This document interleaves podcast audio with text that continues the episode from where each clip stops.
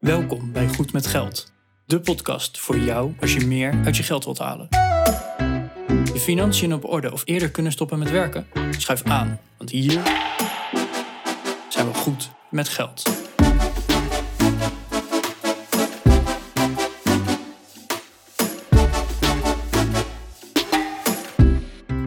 aflevering 111 van de Goed met Geld podcast. Ik ben Bas En hier zit Arjan. En wij willen het vandaag toch even met jullie hebben over Bitcoin. En nee, we gaan niet eh, Bitcoin zitten hypen.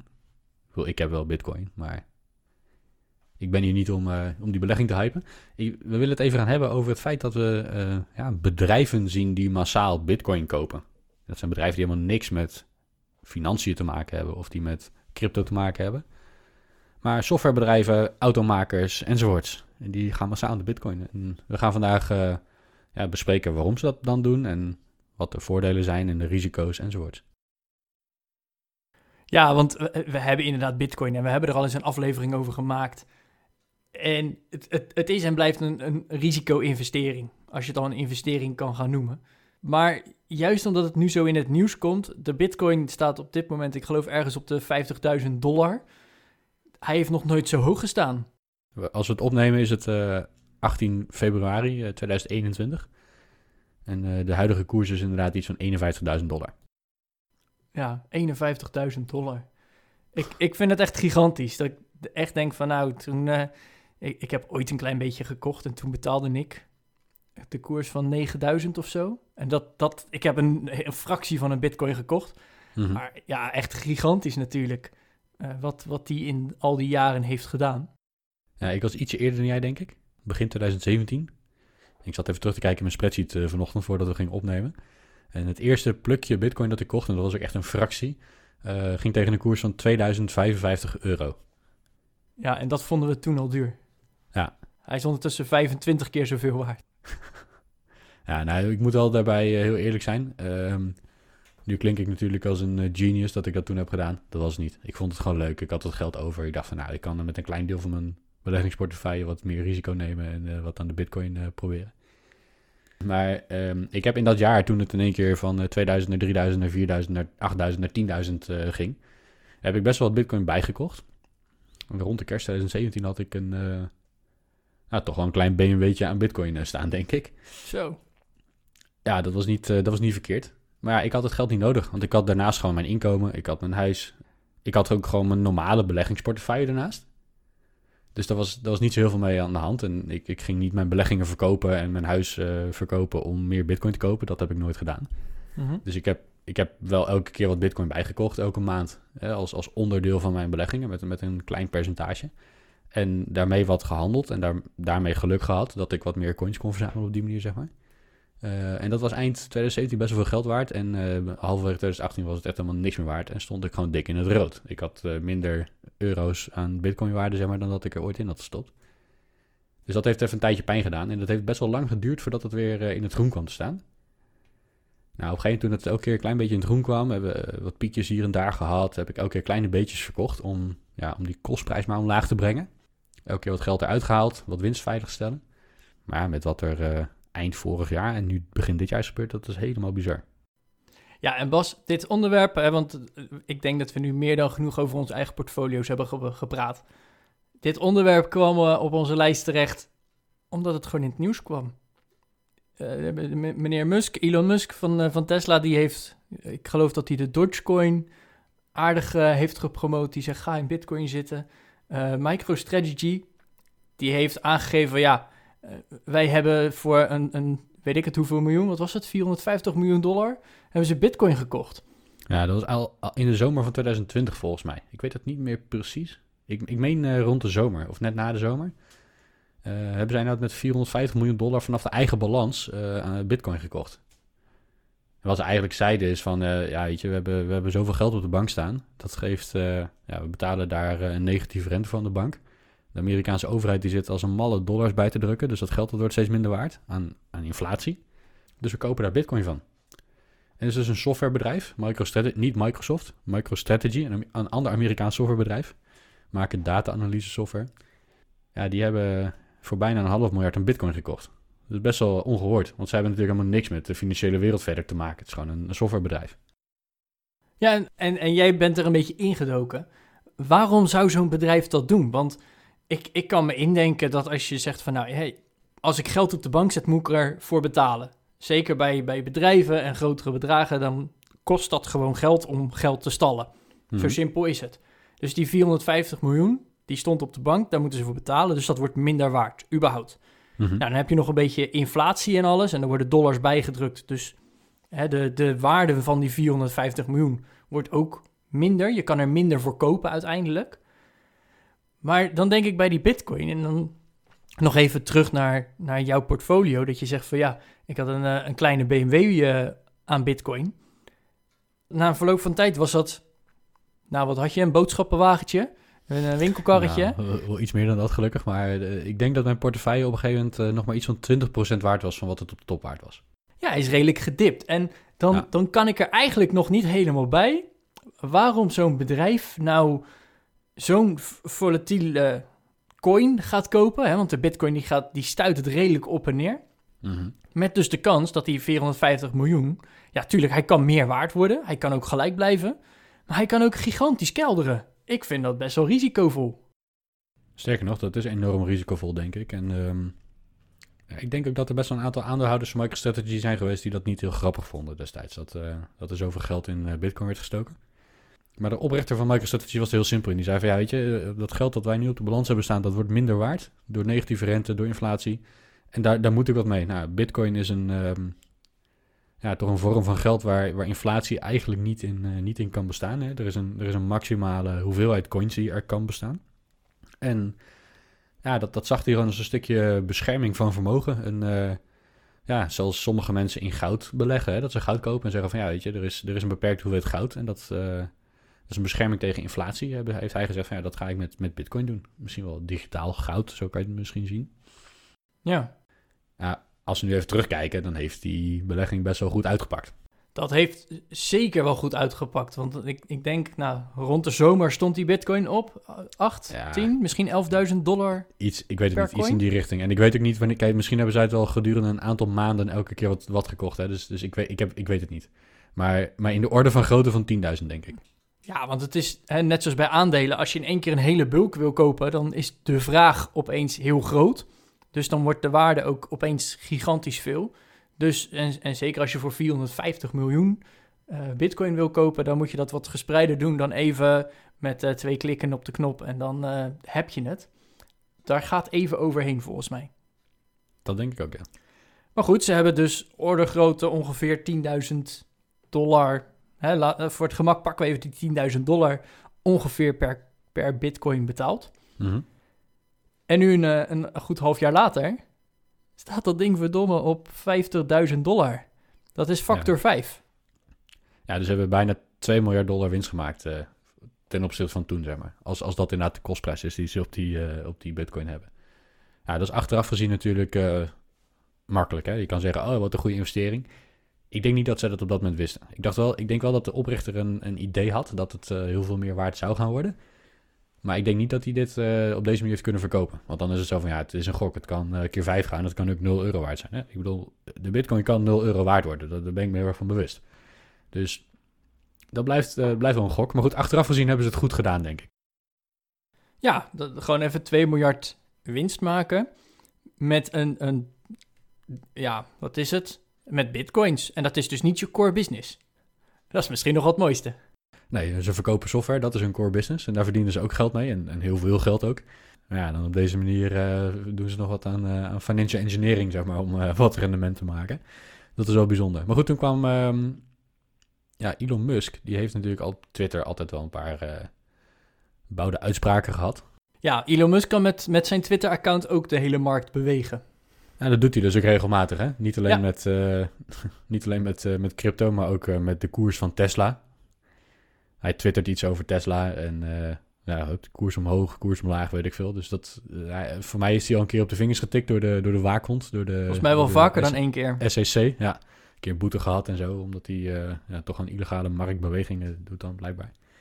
Maar dat heeft hij met Bitcoin ook. En op een gegeven moment heeft hij, ehm, ik meen dat hij alleen maar de term Bitcoin in zijn Twitter bio had gezet of zo. En dat je toen al zag dat de koers van Bitcoin met 20% omhoog vloog in een dag of zo. Dat, was helemaal gestoord.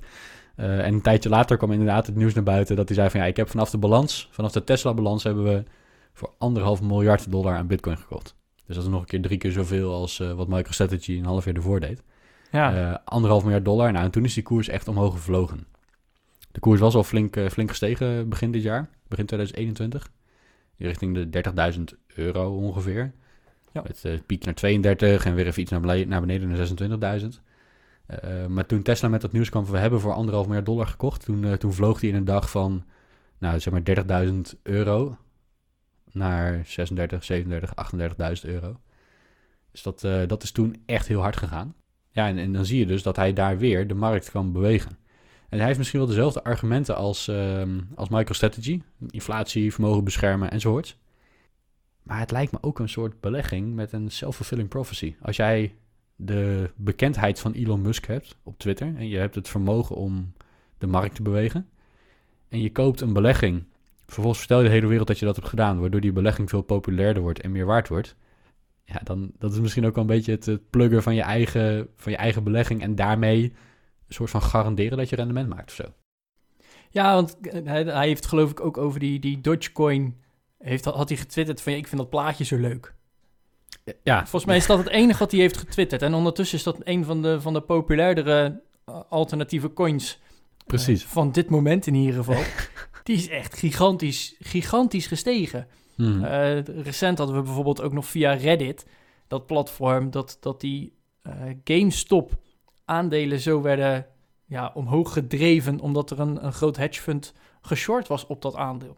Hmm. En ja, ik, ik vind dat dan toch wel een hele wonderlijke wereld dat als jij invloed hebt of, of hè, als je met een groep mensen of alleen, hè, à la Elon Musk, zoveel invloed hebt, uh, dat je met inderdaad een tweet of een berichtje zo enorm de markt kan bepalen. Ja, en uiteindelijk, waarschijnlijk heeft hij het dus heel slim gedaan. Eerst voor anderhalf miljard gekocht, toen hmm. dat getweet. En is hij toen sky high gegaan. Dus inderdaad de self-fulfilling prophecy. Ja, dat is wel grappig hè. Dat zie je dan, uh, je ziet dan dat dat gebeurt. Dat als er vanuit de markt zulke grote partijen opstaan, dat, dat ook de kleine particuliere beleggers misschien wel denken van, oh, dat is wel wat. Hè? Als, uh, als de grote bedrijven het voor miljarden doen, nou, dan, dan zal het wel wat zijn, dan gaan wij ook meedoen. Daar willen we een greintje van meepikken. Ja, maar dat is natuurlijk ook weer het voordeel van de, van de grote bedrijven. Heel bijzonder. Ja, en dat, dat al die kleine investeerders daaraan meedoen, dat, is, dat heeft natuurlijk ook zijn reden. Want ja, er, er zit gewoon geld in de markt en we kunnen er niet zoveel mee. Nee, er is, er is te veel geld zelfs. Dat is een beetje het probleem. Er, er, er is heel veel kapitaal op zoek naar rendement. Ja, want op dit moment, ja, iedereen zit uh, zo ongeveer in lockdown. Dus uh, het geld kunnen we niet gebruiken om op vakantie te gaan of nou, weet ik het waar aan uit te geven. Hè? Het, het, consumeergedrag. Dus ja, dan uh, komt het op de bankrekening te staan. Nou, uh, de, de huidige spaarrentes zijn 0, niks. Dus ja, dat, dat is dan ook een soort van zonde. Het wordt minder waard door de inflatie. We willen toch ergens rendement gaan maken. Dus ja, dan, dan ga je een beetje het nieuws volgen. En Elon Musk of MicroStrategy, ja, die maken gigantisch veel winst met Bitcoin. Ja, laten we dat ook eens proberen. Ja.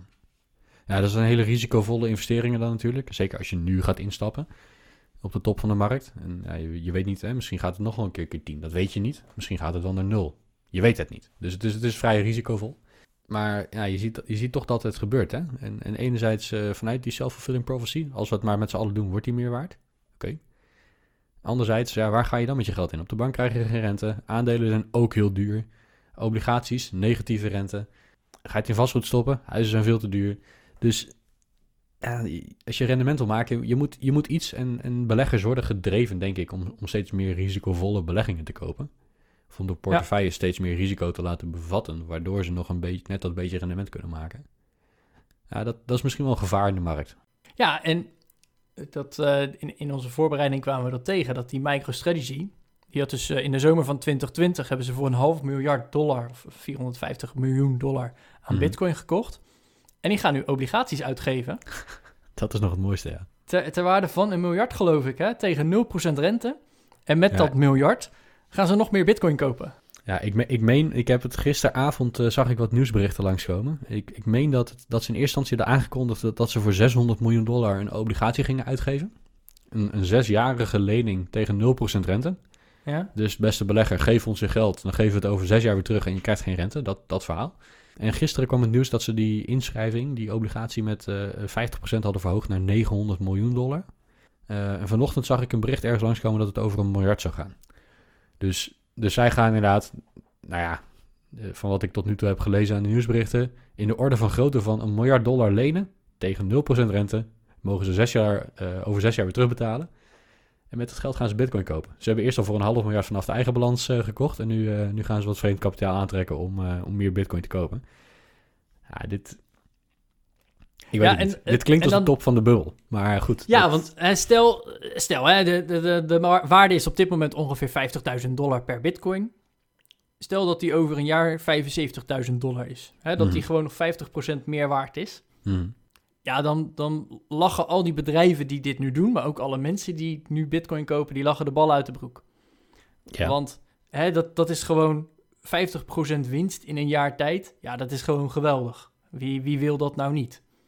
Maar wat nou als een aantal bedrijven of mensen denken van... ja, hij staat nu lekker hoog. Ik pak de winst en ik verkoop de, de boel. En dat, dat wordt een sneeuwbal die alleen maar groter wordt. En over een jaar is het nog maar 25.000 euro per bitcoin. Of misschien nog wel minder. Dan, eh, dan mag MicroStrategy straks een miljard terug gaan betalen. En daar hebben ze bitcoin voor gekocht. En eh, nou, dat is misschien nog een half miljard of nog wel minder waard. Ja, je- ja, precies. Je weet het dus niet inderdaad. En dat, dat is wel best een probleem. As we speak zit ik even te zoeken. Even via mijn eh, Yahoo Finance schermpje te kijken naar wat MicroStrategy nou precies waard is. De, Mhm. market, de market cap is op dit moment 9 miljard dollar. Dus het is een, eh, het is een vrij serieus bedrijf. Maar, Ja. maar, zeg ik daar wel bij, een eh, Microsoft bijvoorbeeld, ook een Amerikaans softwarebedrijf, misschien vergelijkbaar, is eh 1,8 eh, triljoen waard. Dus 1800 miljard. Dat is 200, reken ik dat goed uit, 200 keer zo groot als eh, MicroStrategy. Hè, dus Ja. MicroStrategy is zeker wel een groot bedrijf. Maar het is niet, eh, als jij denkt aan eh, wat is nou een, be- bekend softwarebedrijf, dan, dan denk je misschien aan, een- aan een Microsoft en aan een Google en dat soort, eh, dat soort clubs. Dan denk ik niet meteen aan MicroStrategy. De- die, zijn, die zijn gewoon in een factor 100 of 200 keer zo groot. Dus MicroStrategy is een groot bedrijf, beursgenoteerd, maar is nou niet zo, zo mega groot dat ze kogelvrij zijn, bij wijze van spreken. En als ze straks een miljard moeten gaan terugbetalen vanaf de balans en die, die belegging die ze hebben gedaan met dat geld is 0 euro waard, 0 dollar, dan kan dat wel eens lastig worden. Want ja, ik, ik weet niet of ze dan genoeg, eh, genoeg reserves hebben zeg maar, om, eh, om dat terug te kunnen gaan zitten betalen. Dat is, eh, dat is wel even spannend. Ja, en dat, daar zit ik dus nu een beetje mee van ja. En, en jij ook Bas, dat weet ik. Van is dit nou die smart move? Hè? De slimme zet om je geld een beetje veilig te stellen. Hè? Want de, de inflatie zit er ook bij. Er worden dollars bijgedrukt. Dus voor 100 dollar nu kan je straks, heb je straks misschien wel 110 dollar nodig om hetzelfde te kunnen kopen. Hmm. En dat, dan kan je heel slim denken van... hé, hey, ik, ik koop er bitcoin voor en hè, voor nu één bitcoin betaal ik... stel even 100 dollar en daar krijg ik straks 110 dollar voor... voor diezelfde bitcoin. Mhm. Prima, dan heb je die inflatie afgedekt. En ja, er zit nog een beetje waardevermeerdering in. Dus misschien krijg je er wel 200 dollar voor. Nou, ja, we hebben het gezien dat, dat MicroStrategy zo'n gigantische winst heeft gehaald. Maar wat als dat inderdaad dan die bubbel is en dat straks echt alles in één klapt? En dat, hè, dan kan alles straks weer open, want corona is straks misschien wel over. Kan Mhm. alles weer open en blijkt het allemaal wel tegen te vallen. Hè, en dan vallen alle overheidssteunen en zo weg. Nou, Ja, het, zou, het zou even lastig kunnen worden. Eh, ik, ben, ik ben benieuwd hoe dat zich gaat uitspelen. Ja, ik ook. En dat is voor mij misschien ook wel de reden dat ik eh, niet aan deze hype meedoe. Ik vind het heel leuk om te volgen, dat wel. Maar het is niet dat ik nu zeg, oh, ik ga het ook kopen. Het is Nee. eerder dat ik mijn, mijn hele kleine beetje bitcoin... Ik heb net even gekeken, het is, eh, ik geloof, iets meer waard dan 100 euro. Dat heb ik gewoon als speelgeld ooit een keer gekocht. Ik word hier keihard uitgelachen, beste luisteraar, door mijn welgeëerde co-host Bas. Maar ik, ik, ik zit dan eerder van, nou, hè, hij staat nu zo hoog. Misschien is het wel tijd om eh, te verkopen. Ik heb, eh geloof, factor 5 of factor 6 winst ondertussen. Mhm. Mhm. Dus dat, dat is op zich best aardig. Dat is leuk, ja. Het was leuk speelgeld en dan is het weer klaar. Maar het is niet dat ik nu zeg, oh, Tesla gaat bijkopen en MicroStrategy gaat bijkopen. En misschien, hè, er zijn wel genoeg bedrijven die gigantische hoeveelheden cash op de bank hebben staan. Ja. Denk bijvoorbeeld aan een, eh, een Apple. Ik geloof dat die in Ierland, eh, weet ik het, hoeveel cash nog hebben staan. Want als ze het naar Amerika versluizen, moeten ze er belasting over gaan betalen. Ja, dat, dat zijn van die bedrijven die, die kunnen gewoon voor een miljard, voor 2 miljard, misschien wel voor 10 miljard aan bitcoin kopen. Ja, ik ben, ik ben dan benieuwd inderdaad. Hè, van als een, eh, stel nou dat een Apple... Kijk, Tesla heeft dan aangegeven... we hebben voor anderhalf miljard dollar, bitco eh, ja, anderhalf miljard dollar aan bitcoins gekocht. Voor, voor, een, voor een bedrijf als een Apple is anderhalf miljard is, is pocket change. Ja. Ik denk als zij zo'n belegging doen... dat ze het verschil op de bank niet zien. Ik denk als je op een eh, balans eh, gaat kijken... dat, dat, eh, dat, dat zo'n zo'n bedrag aan, aan liquide middelen... dat zal wegvallen achter de komma waarschijnlijk. Dat, dat zal in de jaarcijfers ergens een, een tussenregeltje zijn misschien.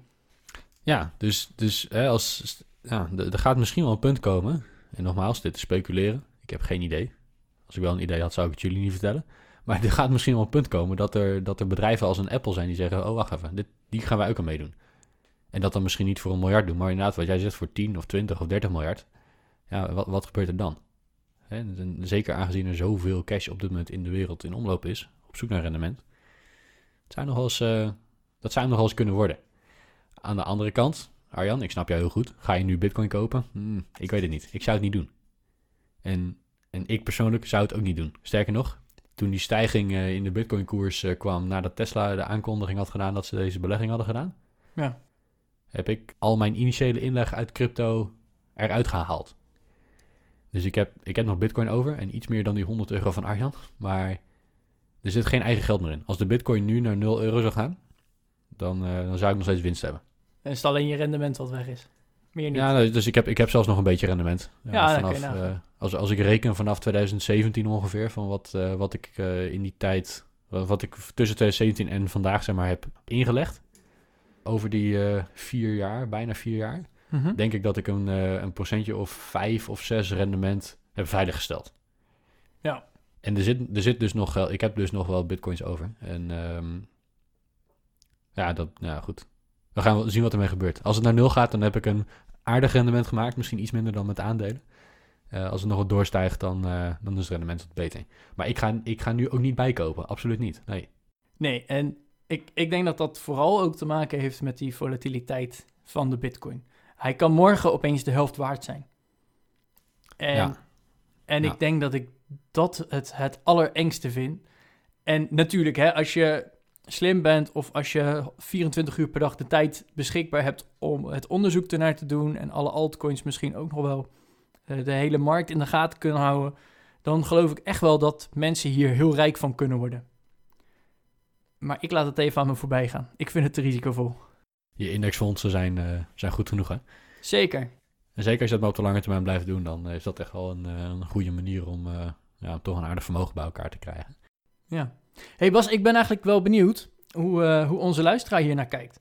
Hebben, he- heb jij, beste luisteraar, Bitcoin? Heb je bijgekocht? Heb je juist verkocht omdat meneer Musk een tweet de wereld in had gestuurd?